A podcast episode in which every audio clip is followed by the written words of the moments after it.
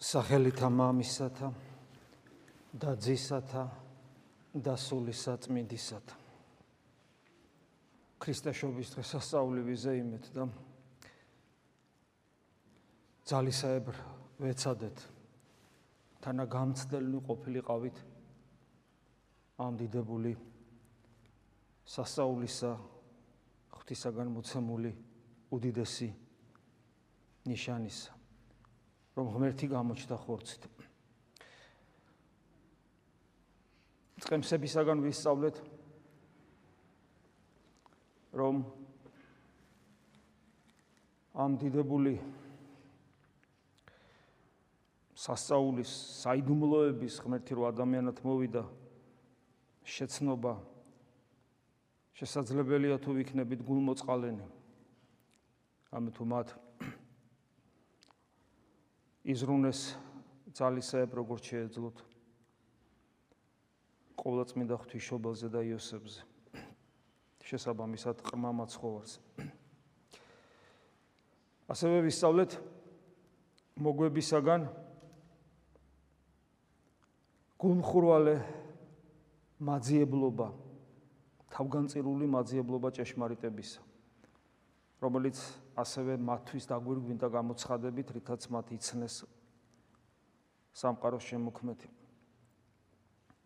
და ასევე ჩვენც უკვე აქედან გამომდინარეც ვიცით და ხვდებით, რომ ჩვენს გულში უნდა მოხდეს განცხადება საფრთხომადლის მიერ რომ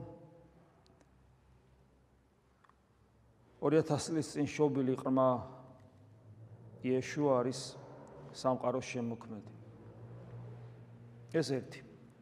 მეორე ის რომ ეს დამოწმება საფრთხომადლისა ჩვენი აა ცოდვილობისა გამო გაურბის რა ჩვენი ბუნება ღმერთს როგორც ასეთი. პერიოდულად ისევ საჭიროებს ღვთის შეწევნას და დამოწმებას, განახლებას საფრთხომადლისა. განახლება ძალიან მნიშვნელოვანია. ჩვენ ეს განახლება რომ არ არსებობდეს საფრთხო მადლის მიერი, ჩვენ დღეს არც ერთი აქ არ ვიდგებოდით. ჩვენ ოდესღაც ნათლღებულნი ბავშვობაში ჩარჩებოდით იმ ურწმუნოებაში, რომელიც რომელშიც შემდგომ ნათლისღების შემდგომ ვიმყოფებოდით. დიახ, განახლება საფრთხო მადლის. ეს საჭიროება ადამიანს. მართალია მოვიდა ყმამაცხოვარი და ზოგიერთ ადამიანს დაუმოწმდა თუ ვინ იყო მათ წინაშე, მაგრამ სამყაროშიც ეს განახლება სულმუდამ პერმანენტულად ხდება. ერთ-ერთი უმნიშვნელოვანესი სწორედ მოხდა ნათლისღების ჟამს, რომელსაც ღვთის განცხადება ეწოდება, იმიტომ რომ მაშინ მთელი სისავსით რა დონეზე ჩვენ შეგვილია დავიტიოთ გამოჩნდა თუ როგორია ღმერთი, რომ იგი ყოვლადწმინდა სამებაა. სამი პირია ერთ არსებაში. სამი პირი ერთი არსებით. ღვთის განცხადების ჟამს, როდესაც мама ხმას მოსცემდა, ქრისტიან ათელს იღებდა და სულიწმინდა ვითარცა ტრედი თავს დაადგრებოდა. და ჩვენ ამ დღესასწაულს ცოტა ხანში ვიზეიმებთ. რომელიც ასევე ძალიან მნიშვნელოვანია ჩვენთვის, იმიტომ რომ იქაც რომ ეცნოთ მაცხოვარი, არ იყო საკმარისი უბრალოდ იოანეს დამოწმება. იონე კაცია, თუმცა ადამიანთა შორის ყველაზე წმინდა, როგორც უფალი ამბობს, იმ დროის იმ დროში მასზე დიდი არავინ იყო და წინასწარმეტყველთა შორის საცხო უდიდესია, მაგრამ მისი სიტყვები საკმარისი არ აღმოჩნდა. ბუნებრივიც არის. ღვთის გამოცხადება უნდა მომხდარიყო გულში. ჩვენ ამას წმინდა წერილში კარგად ხედავთ, რომ თავად იონეს რა თქმა უნდა არ ძალადობს თავის მოწაფეებზე. მან დაამოწმა ერთხელ, სახარებაში კითხულობთ, რომ დაამოწმა მეორედ. ეს ნიშნავს, რომ იგი დაამოწმებდა მრავალ გზის. იყვნენ ადამიანები, რომლებიც ამას იღებდნენ, მაგრამ სამწუხაროდ იყვნენ ისინი, ვინც ამას არ იღებდნენ. ვინ იღებდა იონეს მოწმობას? ანუ შეიძლება იონეს მოწაფეთ დარჩენილიყო, მაგრამ ქრისტეს აა ქრისტეს შესახებ მის მოწმობას არ იღებდა. ამას ჩვენ სახარებაში ბევრად გლას ვკითხულობთ, ერთ-ერთი თუნდაც ის, რომ როგორ ტვინავენ იონეს მოწაფეები, როდესაც ამბობენ, რომ აი ქრისტესთან უფრო მეტი მოწაფეები მიდიან ვიდრე იოანესთან, ვიდრე ანუ შენთან და შეხვდა ამოწმე, ანუ რაღაც მიუხედავად მისი მოწმობისა, რაც დღესაც აღმოვიკითხეთ სახარებაში, თუ როგორ როგორ როგორ იმდაბლებს თავს იოანე ქრისტეს წინაშე, ხო? მისი თასმების გახსნის, შეკრის, ანტარების უფლებაც რა, ან უკიდურეს მონის მდგომარეობაშიც აყენებს, მიუხედავად ამისა, რადგან უფალი მასთან მიდის და აი გარეგნული მხარეს დაინახეს რომ უფალი მასთან მოვიდა და თავი მოდრიკა იონეს წინაშე აი ეს იყო საკმარისი იმისათვის რომ მათ ცოტა სხვანაირად გონებოდათ ფოტოშურის ესე ძალიან საინტერესოა აი უფალი ძალმოსილებით რო არ ვლინდება იოანესთან. თან იოანე ხო ეუნება რომ მე უნდა მივიღო შენგან ნათელი და შენ ჩემთან მოხვალო და ესე უნდა აღვასრულო სიმართლე და არაფერს ახსნის იქ მაცხოვარი წმინდა წერილიც არაფერს გვიხსნის რა სიმართლეზეა საუბარი ალბათ იმ სიმართლეზე რასაც შემდგომ იოანე რასაც რასაც მანამდე იოანე ქადაგებდა შეინანეთ რამე თუ მოახლოებულ არ სასუფეველი ცათა თქვა ძალმოსილებით გამოჩენილიყო მაცხოვარი და იოანეს მოედრიკა მის წინაშე თავი. ნუ იოანეს მოწაფეები ხო იმ წამს უნდა მოწაფებოდნენ თავისთავად ხადია. მაგრამ ეს ძალმოსილება თუ ისეთი დიდი იქნებოდა, რომ იმ იორდანეს საზღვრებსაც გაცდებოდა, მრავალი ადამიანი თაყვასცემდა. მაგრამ არა, უფალი აქეთ იდრექს თავს, ხო? და ეს დიალოგი იოანესა და უფალს შორის შეიძლება ბევრსაც არ ესმოდა. რაშია საქმე? საქმე იმაშია, რომ რასაც იოანე მანამდე ამბობდა, რომ თუ არ შეინანებთ ანუ შეინანეთ რამე თუ მოახლოებულა სასუფეველი ცათა თუ არ შეინანეთ სასუფეველის ღვთის სასუფეველში ვერ შეხვალ აი ეს სინანული საჭიროებს სხვა რამეს და არა უბრალოდ ძალმო ძლიერებისადმი ძალისადმი მონებრივ თაყვანისცემას. სინანული ძალის მიმართ მონებრივი თაყვანის ძალის წინაშე მონებრივი თაყვანისცემა კი არ არის. და ამაში კი არ ვლინდება. სინანული ვლინდება ზეციური მამის შვილებრივ თავისუფალ ქედის მოდრეკაში და არა ძალისადმი თაყვანისცემაში. თავისუფლებით შეიმეცნება ღმერთი და არა მონებრივი ქედდადრეკილობით. ხოლო თავისუფლებით რომ შეიმეცნო ღმერთი მას ჭირდება საკუთარი თავი, საკუთარი დაცემულობისაგან განთავისუფლება. ხოლო საკუთარი თავის დაცემულობისაგან გათავისუფლება შეუძლებელია სინანულის, ანუ მეტამორფოზის გარეშე. ამიტომაც წმინდა იოანე ნათლისმელი დაჟინებით იმეორებს, შეინანეთ, შეინანეთ რამე თუ მოახლოებულ მოახლოებულ არ სასופველიცათა და უფალიც როცა იწებს თავის მისიონერულ მოღვაწეობას, სწორედ ამ სიტყვებით იწებს.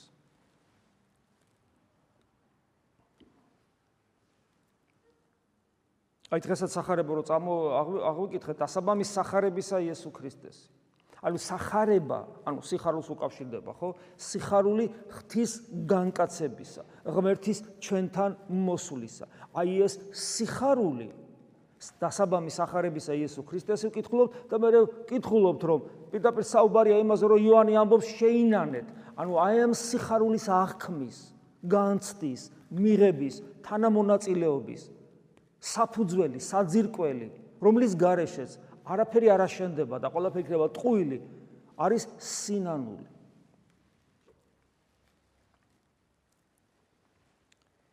ანუ сахарება არ არსებობს სინანულის გარეშე.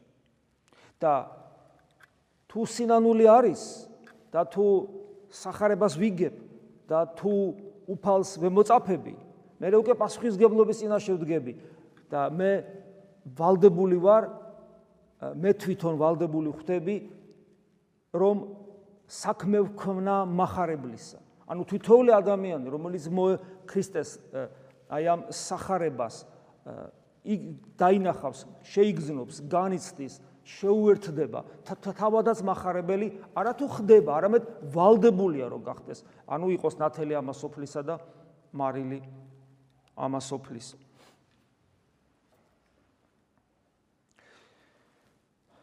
აი ამ ყველაფრის გვერდის ავლით, ასე ჩვენ ახლა საუბრობთ.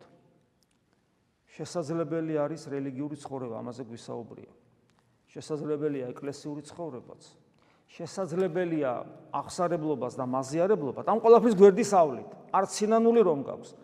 არც מחარებლის საქმეს არ აკეთებ, არც ქრისტე არ შეგიცვნია, არაფერი არ მომხდარა შენში, მაგრამ უცნაური რამ ხდება.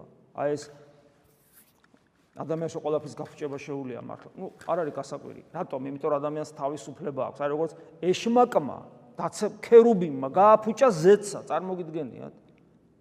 და იქ აამღრია სიტუაცია და მესამედი ანგელოზებისა გადაიბირა. ეშმაკმა ზეცსა გააფუჭა.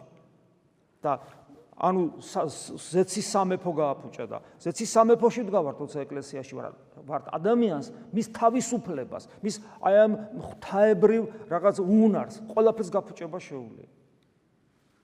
ასე რომ ადამიანს შეუძლია იყოს მონათლულიც აღსარებელიც მაზიარებელიც ეკლესიის წევრი შესაბამისად კითხულობდეს წმინდა მამებს წმინდა წერილს ლოცულობდეს. მაგრამ ეს ყველაფერი მასში ისე იყოს, რომ აი რაც თქვით, სინანული და შემეცნება ჭეშმარიტად ქრისტესი, აი ყველაფერს გვერდი აუაროს. შესაძლებელია ეს. ამგვარი საცდურის წინაშე აბსოლუტურად ყველა ადამიანი დგას. არ არსებობს ადამიანი ეს პრობლემა, რომ თავის თავზე განცდილი არ გქონდეს. უბედურება ის არის, რომ ადამიანი ხშირად ვერ ხვდება, რომ მას თავის თავზე ეს განცდა განცდილი აქვს. არსებობს ესეთი სიტყვა ქრისტიანულ ლიტერატურაში ნეოფიტობა ქვია. ჩვენ ხშირად გაგვიგია სიტყვა და გვისაუბრია კიდევაც ამაზე. სასულიერო პირებიც ბევრ საუბრობენ ამაზე, ნეოფიტობა რო საშიში მდგომარეობა, ყველა გადის ამ პერიოდს, აბსოლუტურად ყველა. ამის გარეშე უბრალოდ არ ხდება. და ნეოფიტი როგორი საშიშია, ნეოფიტი როგორი საშიშია გარემო სამყაროსათვის. ანუ ქრისტიანი ხო ნათელია ამას ოფლისა, ხოლო ნეოფიტი საშიშია გარემო სამყაროსათვის, იმიტომ რომ ის გარშემო მყოფ ადამიანებს ხოლო დააბკოლებს ქრისტესაკენ სავალ გზაზე. თავისი რიგორიზმით, თავისი ცრუ ასკეტიკით, თავისი ცრუ სიმდაბლით და თავისი მდგომარეობით მსაჯულისა, რომელსაც ის საკუთარ თავს აკუთვნებს სხვა ადამიანების მიმართ. ეს პირველ რიგში ოჯახში, მეგობრებში, თანამშრომლებში, ეკლესიის წიაღშიც კი.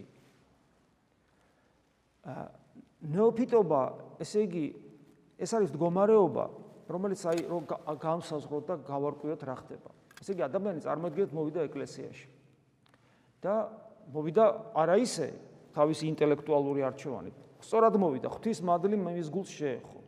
ანუ ღმერთმა განაცდებინა კარკული მიზეზის გამო ჩვენ არ ვიცით ხო გულმოწყალეც შეიძლება იყოს ჭეშმარიტებაც აინტერესებდა აი მოგვებისა და მწყებსის მაგალითს თუ მოვიტან კიდე სხვა რაიმე სათნოება ღვიოდა მასში და ამ სათნოების გამო უფლის მადლის შეხება იგრძნო განიცა და მიიღო და სიხარულით მოვიდა ეკლესიაში. ანუ მის ამართი არ შეშლია.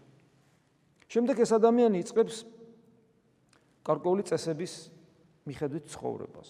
ეს წესები მას კიდევ უფრო აწესრიგებს. დისციპლინარულს ხდის მას უვითარდება უნარჩვევები ისეთი რომელიც ადრე არ ქონდა და ესეც სიხარულს ანიჭებს. იმორჩილებს საკუთარ თავს ისეთ რაღაცებში რაშიც ადრე ვერ იმორჩილებდა.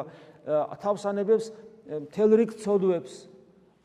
სასიკვდილო ცოდვებს ხო ანებებს და ანებებს. თუმცა აქ ყოველთვის ხას უსვავ ხოლმე რომ ეკლესიაში სამწუხაროდ მათ შორის ჩვენ სამრევლოშიც სამწუხაროდ ზოგიერთი ადამიანი ვერანებებს თვით სასიკვდილო ცოდვებსაც თავს ეს ძალიან კარგად უნდა გახსოვდეს. და საქართველოს ქართულ სინამდვილეში არსებობს სასიკვდილო ცოდვები ისეთი რომელიც ადამიანს გათავისებული აქვს როგორც არასასიკვდილო ცოდვა. მაგალითად მემთრალეობა ნარკომანია ლუდომანია და ასე შემდეგ უამრავი რამეა ისეთი რასაც ადამიანი თulis რომ ეს რა მოხდა. და ადრეს გითხარით რომ არის კიდე ერთი ცოდვა რომელიც თავისთავად სასიკვდილო ცოდვას რანგში არ არ შეიძლება არ განვიხილოთ თუმცა თუმცა ათინცნების მიხედვით შეიძლება მას ასეთი კვალიფიკაციაც მევანიჭოთ იმიტომ რომ იქ არის ცნება არა ცილის წამო მე გულისხმობ განკითხვის ცოდვას რომელიც შეიძლება ხშირ შემთხვევაში ცილის წამებაც იყოს მაგრამ ცილის წამება რომც არ იყოს და შესაბამისად სასიკვდილო ცოდვის რანგში თუ არ შევიყვანთ განკითხვას იგი მაინც უმძიმესი რამ არის, იმიტომ რომ ადრეს გითხარით, ქრისტე მასზე განსაკუთრებულად საუბრობს.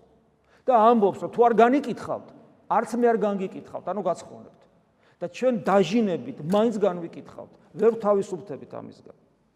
იმიტომ რომ მას სხვა ფესვები და სხვა საფუძველი აქვს. ეგ და რაც შეეხება აი იმას რომ ჩვენ წესრიგდებით ახალმოსული ადამიანი წესრიგდება ეს ფაქტია წესრიგდება ადამიანი და რა თქმა უნდა ღვთის მადლის გამცდელიც არის იმიტომ რომ ნუ ამით მოვიდა და ეს რაღაცას იკლებს ცოდებთან იბრძვის აა თუ ის ამ ამ ყველაფერს ნიჭიერად აკეთებს და ნიჭიერებაა ხო? დისციპლინის დისციპლინას და ყოველივე ცოდებთან ბრძოლის უნარის ეს მეომრული სულიც პრინციპულობაც თავისი არჩევანის შესაბამის გადაწყვეტილებაც ასე თუ ამას ყველაფერს ადამიანი აკეთებს ადამიანი რო წესრიგდება და გარეგნულად შვენიერი და კარგი ხდება აი ეს მდგომარეობა არის ნეოფიტობა. ეს მდგომარეობაა ნეოფიტობა ზუსტად. სხვა რამე კი არა ასეთ ადამიანს ამ მდგომარეობაში ქრისტიანობა არ ესმის ამიტომ ახალმოსულ ადამიანს ქრისტიანობა არ ესმის ის ინტუიციურად იღებს საფრთხო მადლს მიყვება მას აწესრიგებს თავის ცხოვრებას და საკუთარ ხედავს საკუთარ თავს ხედავს მოწესრიგებულ კეთილმოწესე ზნეობრივ წესიერ მართალ ადამიანად. ნეოფიტი არის მართალი.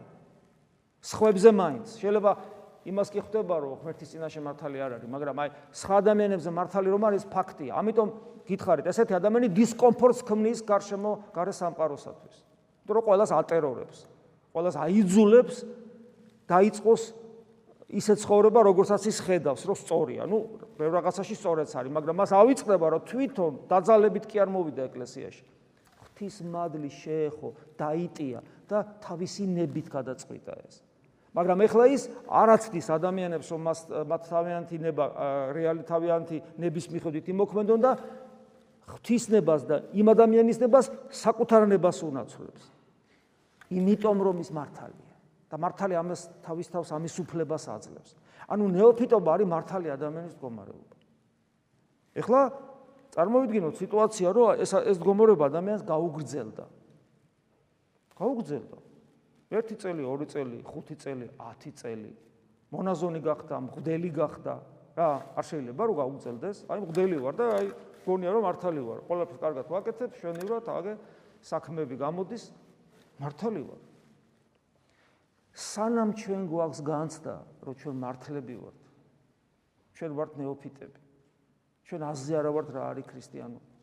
და თუ არა, აი ეხლავე რო გადავშალოთ, მე ხშირად მაგალითად მithქვავს, ნებისმიერი წმინდა მამის პირადი ლოცვა. ვასილ დიდი იქნება, ოქროპირი იქნება, იონე დამასკელი იქნება. ზიარების ლოცვებში რამდენია და ეს ეს ეს იქ, ხა ნაწერების წმინდა მამათა ნაწერები ნახეთ. გადავშალოთ და ვნახოთ. როგორ ხედავენ ისინი საკუთარ თავს ღვთის წინაშე? პავლე მოციქული ხო კლასიკა არის. რო ცოდვილთა შორის პირველი ცოდვილი მე ვარ. ანუ წმინდანები რომლებიც არიან სამაგალითო ჩვენთვის, ისინი საკუთარ თავს ვერ ხედავენ მართალ ადამიანებად. ღვთის წინაშე ისინი საფრთხო მადლით გამწყინებულები ხედავენ რა მდგომარეობაშია ზოგადად ადამიანური ბუნება. მათი პირადი მაგალითით ხედავენ, საკუთარი თავით გამომდინარე ხედავენ. და ეს საკუთარი სიმართლე არის როგორც ჩვენთვის აი სიბრმავის ერთ-ერთი მიზეზი, ჩვენი სულიერი სიბრმავის ერთ-ერთი მიზეზი. და მე მინდა გითხრათ, რომ პატარა გამოცდილებით და ალბათ სხვა სასულიერო პირებსაც ექნება თავის თავცხადი ეს გამოცდილება, რომ ძალიან ბევრი ადამიანი არის ამ მდგომარეობაში. მათ შორის ჩვენ სამრევლოშიც და გარეთაც. და ეს პრობლემა თითოეულ ჩვენგანს ჭირს. მათ შორის კიდევ ვიმეორებ სასულიერო პირებსაც. განსაკუთრებულად საშიში არის სასულიერო პირის მდგომარეობა, როცა ის ახალგაზრდა მღვდელია. ამაზე ერთ-ერთ გამოცდილ მოძღვარს წიგნიც კი აქვს პატარა დაწერილი, წიგს სამწუხაროდ ავტორი აღარ მახსოვს, წიგს დაახლოებით ესე ქვია, არ არის ქართულ ენაზე მე არ მინახავს, ესე იგი ახალგაზრდა სასულიერო პირების, ახალგაზრდა მღვდლების საცდურება. და სწორედ ნეოფიტის მდგომარეობა, რაღა დროს ნეოფიტობა უნდა იყოს წესით, ხო, მღვდლისათვის, ის როდის იყო მრევლის წევრი და შემდეგ, მაგრამ არა. აი ეს მდგომარეობა. ეს არის ძალიან საშიში მდგომარეობა. ანუ ესე იგი ერთ-ერთი მთავარი პრობლემა აქ რა არის სულიერ ცხოვრებაში, რომ ადამიანი მოხიბლულია საკუთარი სიმართლით. და ასე დროს ადამიანს არ აქვს უნარი არ აქვს უნარი სინანულისა. არ აქვს სიმდაბლის სათნოება, იმიტომ რომ მართალ ადამიანს სიმდაბლე როგორც სათნოება სამკურნალო არ ჭირდება, იმიტომ რომ მართალია. არ არის მართალია, მართალი როგორ იქნება მდაბალი? მართალი არის ზე აწეული, ხო სწორია? აი გახსოვთ პავლე მოციქული რომ რო ამბობს ადრეს გითხარით სიყვარულს რო სიყვარულის ჰიმნი აქვს ხო? მის ეს ესე იწოდება მის ეს საოცარი სიტყვები სიყვარულის შესახებ და მე ეგ ესეთ რამეს ამბობს. სიყვარული არასადა დავარდების და ერთ-ერთი მამა განმარტავს რომ სიყვარული იმიტომ არ დავარდება რომ ყველაზე დაბლა ანუ სიყვარულით შეუძლებელია სიმდაბლის გარეშე. არ შეიძლება მსაჯულს ვიღაცა უყვარდეს. ნამდვილ სიყვარულზე მაქვს საუბარი იმ სიყვარულზე, რომელიც სიყვარულით სამყაროში თავისთავად არ არის. იმ სიყვარულზე, რომელიც ახალი მცნება, მცნებას ახალსა მოგცემ თქვენ, იყარებოდეთ ურთიერთას, ვითარცა მე თქვენ შეგიყვარებ. სიყვარულზე, რომელიც ნიშანია ჩვენი ქრისტიანობისა, იმით გიცნობე, რომ ჩემები ხართ, რომ თუ თქვენ ერთმანეთი გეყვარებათ, ჩვენ ერთმანეთი არ გუყვარს. იმიტომ რომ სიმდაბლე არ არის, სიყვარული არ შეიძლება სიმდაბლის გარეშე. როგორც კი შენ წარბს აწევ, მოყვას ის მიმართ, რომელიც შენს გვერდზე დგას და თვლი რომ ის დაბალი დონია შენზე მეტად. შენთან შედარებით. შეუძლებელია შენის გიყვარდეს. იმიტომ რომ ზემოდან იყურები. რატო ტიროდენ მამები იესოს ქრისტეს გახსენებას?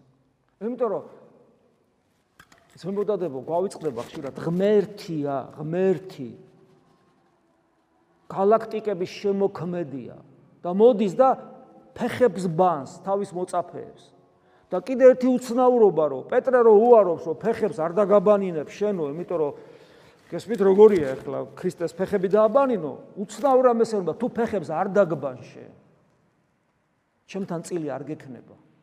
ისა რაღა უნდა ვთქვა იმაზე რომ მიიღე და ჭამეთ ეს არის ხორცი ჩემი და ეს ტრადიცია რო არსებობს დგანან და არეზიარებიან თუ ფეხებს დაგბან და არ დამაბანინებ ჩემთან წილი არ გექნება. ჩემი ხორცი და სისხლი ჭამე და არ შეჭამ. როგორ გექნება ჩემთან წილი? რანაირად? თუცა პიტაპირ ზურგს მაგცე. დამოკიდებულება უფლის ხო ასეთია?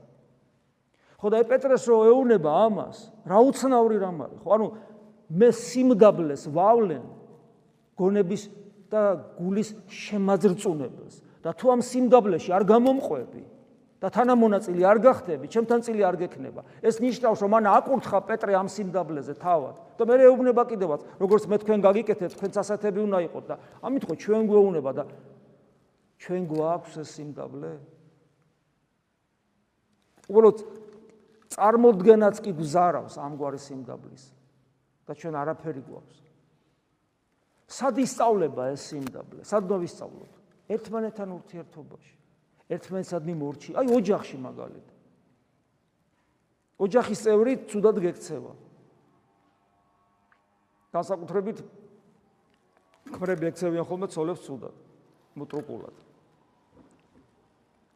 იცით რამდენი ოჯახი ინგრევა იმის გამო, რომ კაც აი ესეთი უხეში ხასიათი აქვს. და მე მოდიან ხოლმე ცოლები და ისინი ტირიან ამის შესახებ. სამართლიანად, მართლები არიან. ეგეთი კაც სატანა არ გინდა.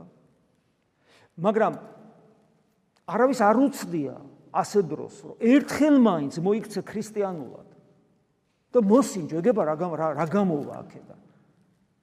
დაუთმო, დაინდაბლო თავი. თორე ეხა ექს ცოლის ქრისტიანაში თორე არსებობს ყველა ყველა პირიქითაც გროტესკული სახესაც რო იძენს სიდადრის წინაშე მორჩილებას, ყველაფერი შესაძლებელია.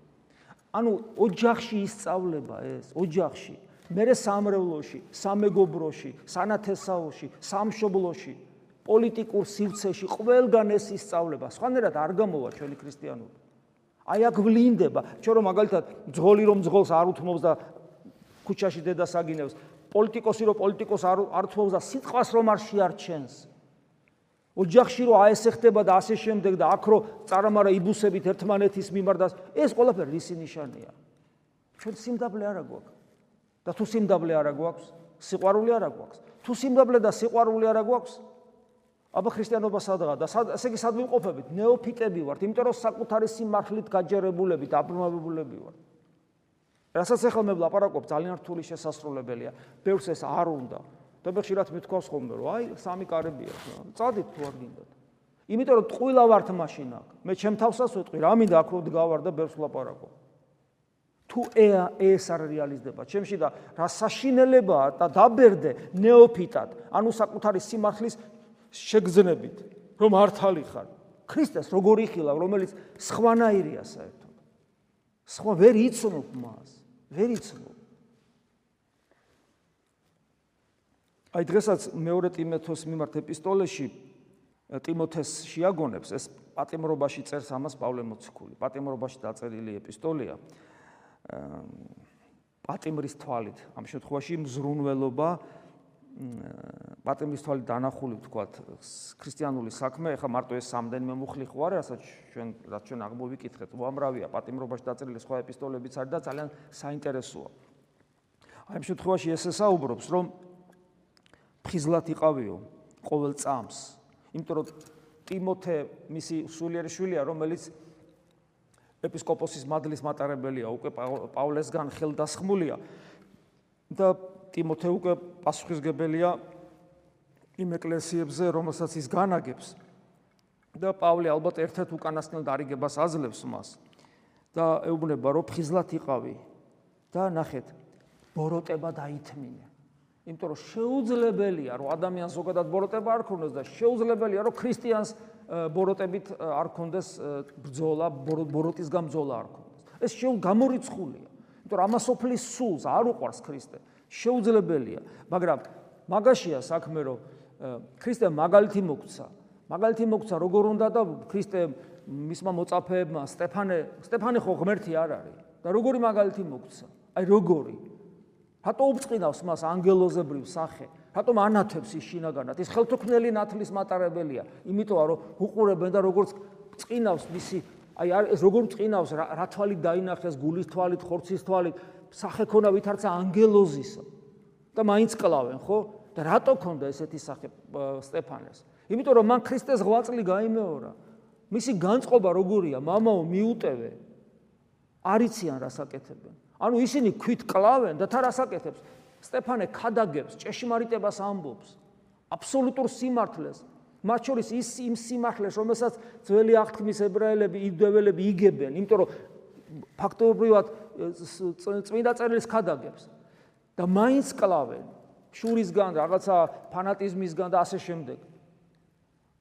წესით ხო მისი რეაქცია როგორ უნდა იყოს? გამწარებული, გაბრაზებული და ახალგაზრდაათა. ლოცულობს მათთვის, უყვარს ის ადამიანები. რისი ღირსი გახდება ნახეთ, მანიხილა ქრისტე ფეხზე წამომდგარი ზეციური მამის მარჯვნივ. არა მჯდომარე არამედ წამომდგარი. ანუ სტეფანეს ტკივილებს რო ფეხზე წამოუდგება. აი ადამიანია სტეფანე და აი აი ესეთ მაგალითს იძლევა. ანუ ბოროტება წინ კი არა აღუდგა სიძულვილით მრისხანები და შინაგანი ბოროტებით არამედ სიყვარულით აღუდგა წინ ამიტომაც ღირსი გახდა ხელთუქმნელი ნათლის ხილვისა ფეხზე წამომდგარი ქრისტეს ხილვისა და რა თქმა უნდა დღეს უფალთან არის. და ამიტომ ამბობს დაითმინე ფხიზლად იყავი რომ ბოროტება დაითმინო, იმიტომ როგორ არის? ეს ადამიანი ხო კეთილია, არაფერი არ აწუხებს, სათნოებად იღურება, ყოველას უღიმის, ყოველას ეფერება, ყოველას გულში იკრავს, ყოველას ლოცავს. იმიტომ რომ გარემოც ისეთი აქვს, აქეთაც იღებს და უცებ, უცებ. ისე რომ არელის ექსტრემალურად რაღაცა იქნება, და ვიღაცა, ვიღაცისგან მოდის პირდაპირ ბოროტება აბსოლუტურად უსამართლოდ. მაგრამ ეს მზად არ არის ამისათვის. სპონტანურად ჩვენი რეაქცია არის ხოლმე იმ წამსვე აფეთქება ამ ადამიანის წინააღმდეგ. და მე ამ დროს ფიქრობ, რომ იმ მომენტში მე რო აფეთქდი, მე ქრისტიანს გავდი? არ გავდი ქრისტიანს. ეს რას ნიშნავს? ესე იგი მე აფეთქების წინ არ მქონდა განცდა ღმერთის ჩემთან ყოფობის, არ იყო მოუკლებელი ლოცვითი მდგომარეობა. მოუკლებელი ვილოცვიდოთ ეს რას ნიშნავს? რომ მდგომარეობა ასეთი უნდა ქონდეს ადამიანს, მისი გული სუღმერთზე უნდა იყოს მიწეპებული, ღვთისაკენ უნდა იყოს სწრაფი და არ მქონდა და აფეთქდი იმ წამს. ანუ ბოროტებას ეგრევე ბოროტები წინ აღუდექი.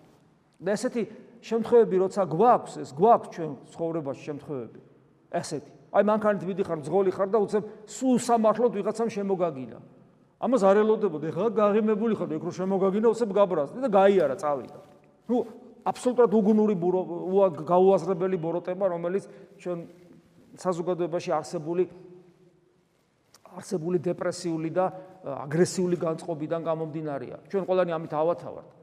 მაგრამ შეხო ქრისტიანი ხარ. თან წავიდა გაიქცა ხო? ამ დროს გულში აგიჩქებდა რაღაცა გულში გინება მოდის სიბრაზე გამწარებული. ა და რა უნდა ქნა? ღმერთო შეიწყალე ისის და იმის ლოცვით მე შემიწყალე? ორივეს გვაპატიე.